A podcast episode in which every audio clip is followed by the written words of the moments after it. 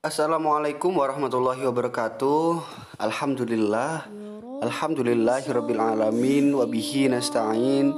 Wa ala umuri dunya waddin Salatu wassalamu ala asrafil anbiya wal mursalin.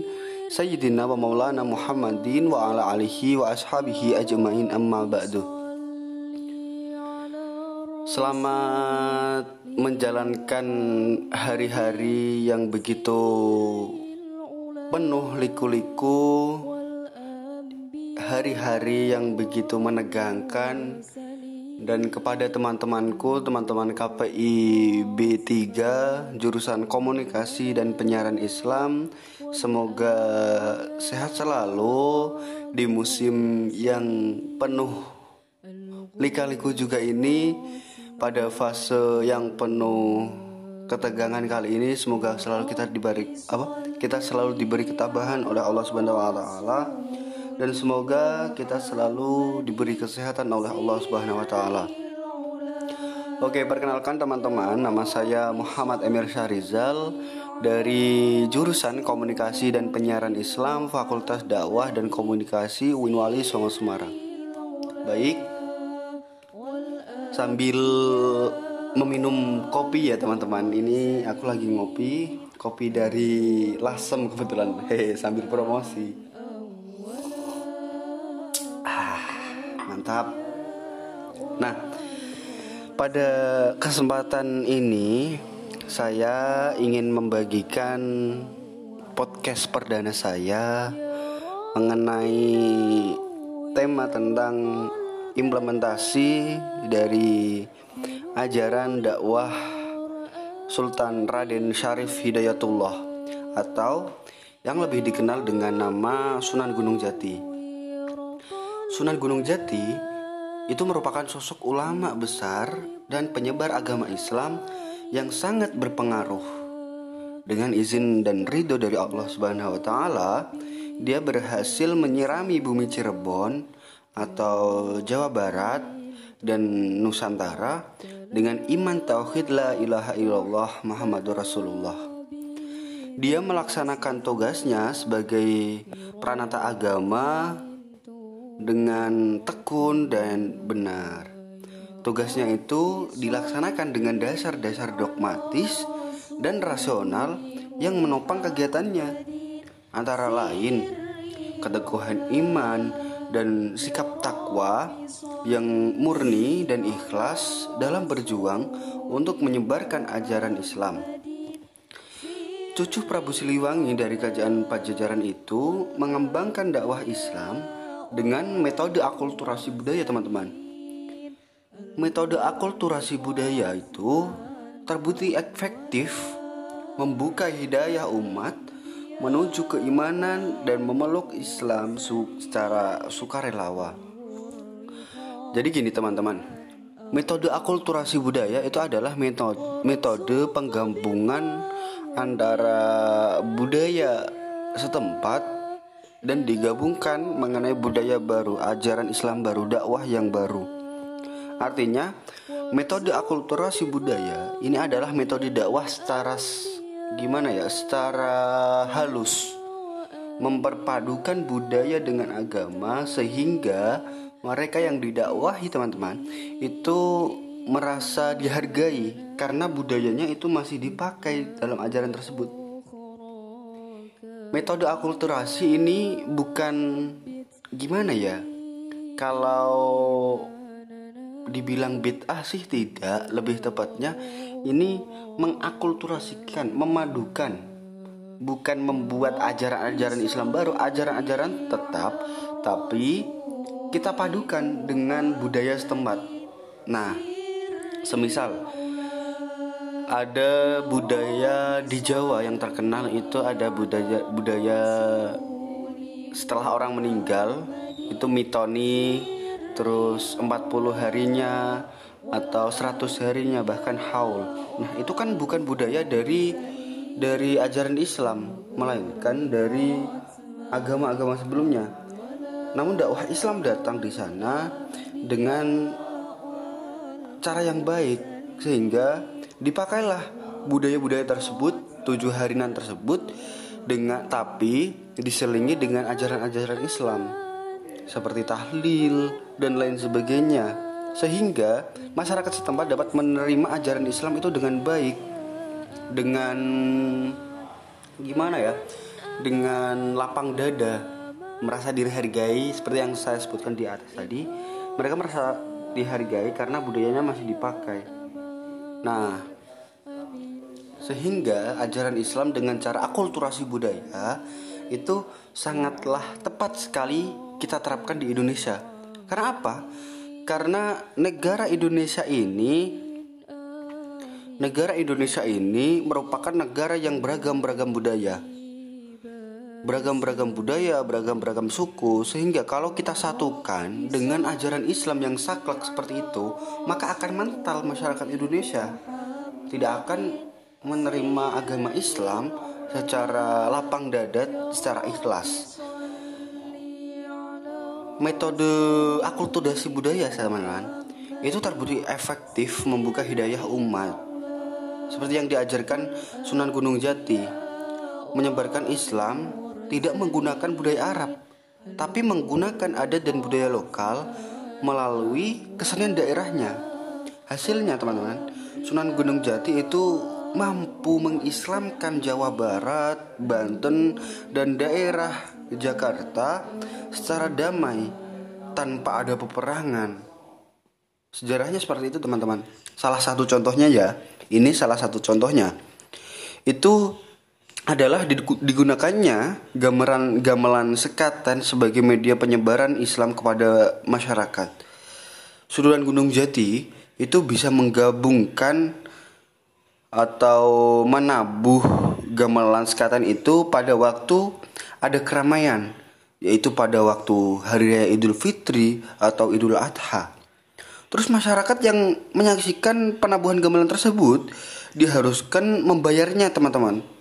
Namun jangan salah kira, pembayarannya tersebut tidak dengan uang loh, melainkan dengan mengucapkan dua kalimat syahadat.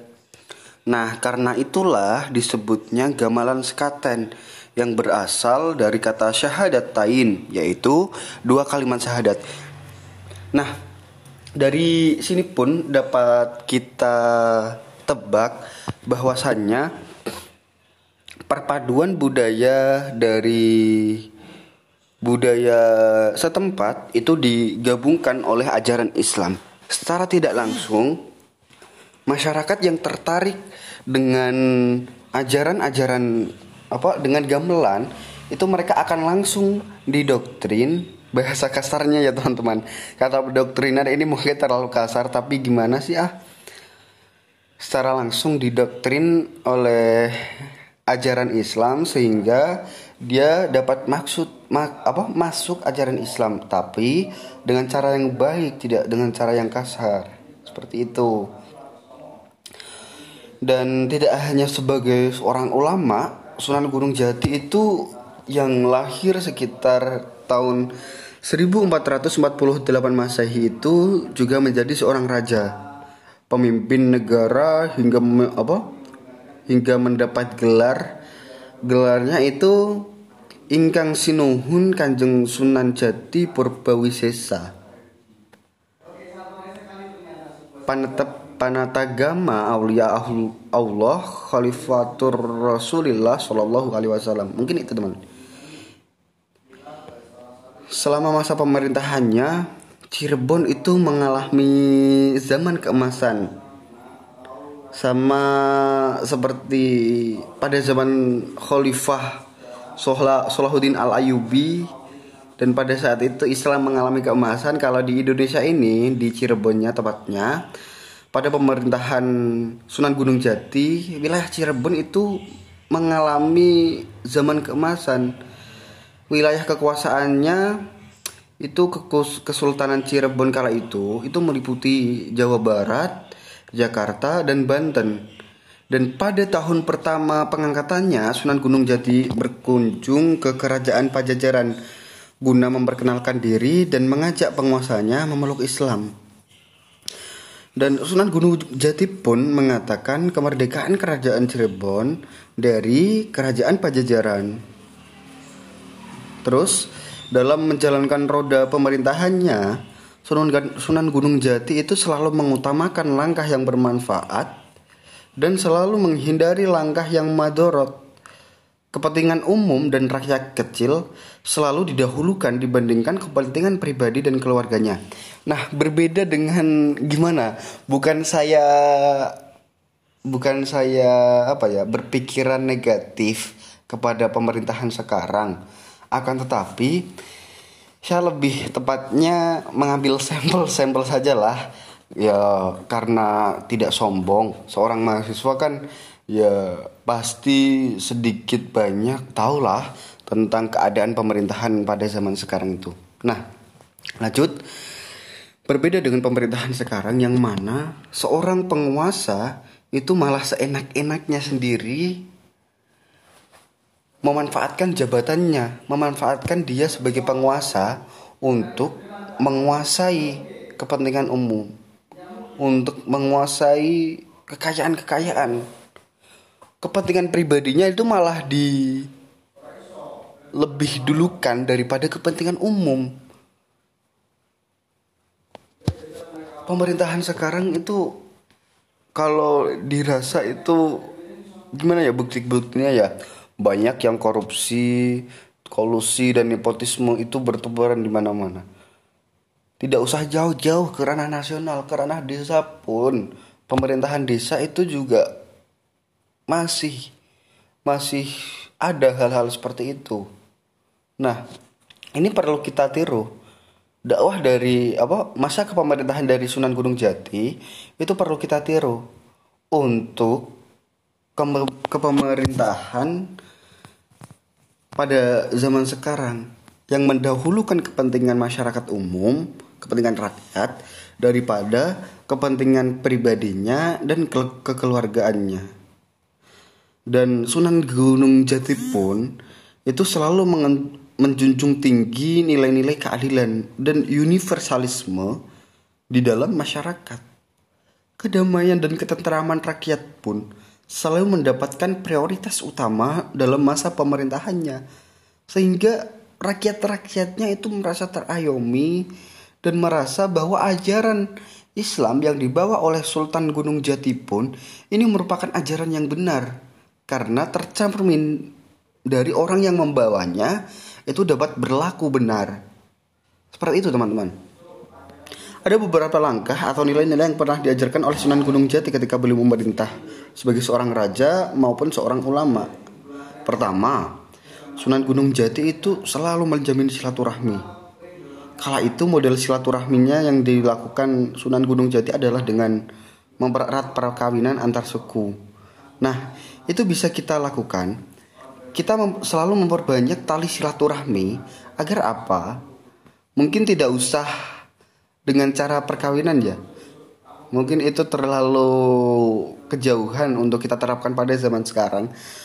Kita itu dapat memperlakukan mempererat tali silaturahmi antar pertemanan, antar persahabatan dan lain-lain sebagainya.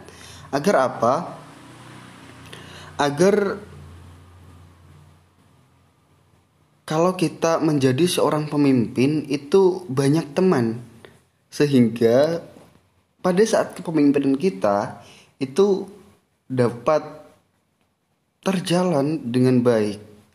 Oke, yang kedua itu memberdayakan rakyat dengan memberikan keterampilan pembuatan kerajinan untuk meningkatkan ekonomi rakyat. Selain itu, Sunan Gunung Jati itu juga melakukan pemberdayaan dalam bidang kepemimpinan. Hal tersebut dimaksudkan agar setiap pemimpin di masyarakat bisa mengurus rakyatnya dengan penuh kasih dan sayang dan harus bisa mengendalikan serta mengerti keinginan rakyatnya.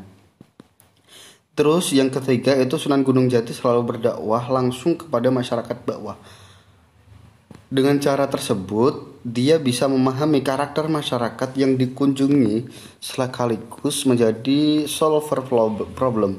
Nah, pemimpin pada zaman sekarang rata-rata itu hanya hanya mengerti permasalahan yang ada di atas tanpa dia mengerti permasalahan yang ada di bawah dia membuat perundang-undangan yang mana undang-undang tersebut bertentangan dengan kepentingan masyarakat yang ada di bawah. Artinya dia memikirkan kepentingan orang atas daripada orang bawah. Coba sekali-kali pemimpin ter terjun langsung merasakan kendala dari rakyat, terus merasakan keluh kesah dari rakyat, mendengarkan dan memberi solusi kepada masyarakat seperti yang diajarkan oleh Sunan Gunung Jati ini.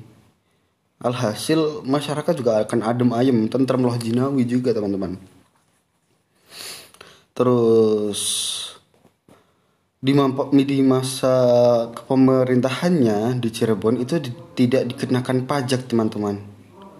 Paraku dan gegeden yang berada di bawah perlindungan kerajaan Cirebon dengan sukarela memberikan hasil panen atau hasil tangkapan ikannya kepada negara setahun sekali tanpa ditentukan jumlahnya. Nah, ini teman-teman. Pajak yang diberikan kepada kerajaan itu tidak ditentukan jumlahnya atau secara sukarela hasil masyarakat pun akan ber apa ya akan berpikir bahwasanya Terima kasih ya Allah telah memberikan pemerintahan yang seperti ini yang tidak mengangkat masyarakat, yang tidak apa membebani masyarakat melainkan membantu masyarakat. Nah, yang kelima ini penegakan hukum. Nah, ini yang sangat penting. Sunan Gunung Jati itu menerapkan penegakan hukum yang memenuhi rasa keadilan dan membuat efek jera bagi pelakunya tanpa pandang bulu dan tebang pilih. Yang kita rasakan pada saat zaman sekarang yo pasti teman-teman tahu lah ketika kita melihat sinetron apa tontonan di TV atau melihat hukum-hukum pada zaman sekarang perlakuan hukum itu seperti runcing ke bawah dan tumpul ke atas. Artinya masyarakat yang tidak punya apa-apa masyarakat yang mohon maaf yang tidak punya apa yang kurang mampu itu ketika berhadapan dengan hukum hukum tersebut akan runcing. Sehingga dapat cepat menyelesaikan hukum tersebut dan memberikan keadilan memberikan keadilan itu sangatlah tidak wajar. Beda halnya dengan masyarakat kelas atas ketika di hadapan hukum hukum tersebut akan berbelit-belit seperti terowongan yang berkelok-kelok tiada putusnya. Terus setelah dibelit-belitkan seperti itu, akhirnya hukum tidak terdengar sehingga hilang. Dan kalaupun ketangkap, dan kalaupun ketangkap, hukum tersebut itu akan gimana ya? Keadilannya dan orang yang melakukan hukum tersebut keadilannya itu sangat tidaklah wajar. Seperti seperti kasusnya siapa ya? Setia Novanto. Nah kasus ektp elektronik KTP kasus yang sudah terbukti dan sudah jelas-jelas dia korupsi sampai miliaran dia hanya dihukum beberapa tahun dan anehnya teman-teman fasilitas yang dia dapatkan Setia Novanto itu malah kayak kamar hotel, kayak apartemen. Ini kan menandakan bahwa hukum itu tumpul kalau kalau dihadapkan dengan masyarakat masyarakat yang beruang berbeda halnya dengan masyarakat masyarakat yang kecil. Nah harapannya teman-teman ketika kita sudah mendengar apa podcast saya kali ini saya juga masih belajar. Saya masih ingin banyak-banyak mencari pengalaman. Harapannya dakwah yang disampaikan dengan cara akulturasi oleh Sultan Raden Syarif Hidayatullah itu akan terus dijalankan kepada negara Indonesia ini di negara Indonesia ini karena latar belakang dari negara Indonesia ini backgroundnya adalah negara yang berbagai suku bermacam budaya sehingga ketika nanti diajarkan oleh masyarakat yang di Indonesia masyarakat Indonesia akan menerima dengan legowo. Bukan langsung mengsaklekkan kepada Al-Quran dan hadis menerapkan khilafah di negara ini mengganti Pancasila. Wah itu menurut saya salah kaprah pemikiran yang terlalu dangkal dan radikal. Sehingga masyarakat Indonesia itu banyak yang menolak ajaran seperti itu teman-teman. Dan harapannya juga kepemerintahan Indonesia ke depan itu dapat menyontoh dari kepemerintahannya Raden Syarif Hidayatullah masa lalu sehingga masyarakat di Indonesia itu dapat ayem, dapat tentrem, dapat adem ayem tentrem loh jinawi. Gitu ya. Baik, mungkin sekian podcast saya. Kurang lebihnya mohon maaf. Wallahul muwaffiq ila aqwamit thoriq. Wassalamualaikum warahmatullahi wabarakatuh.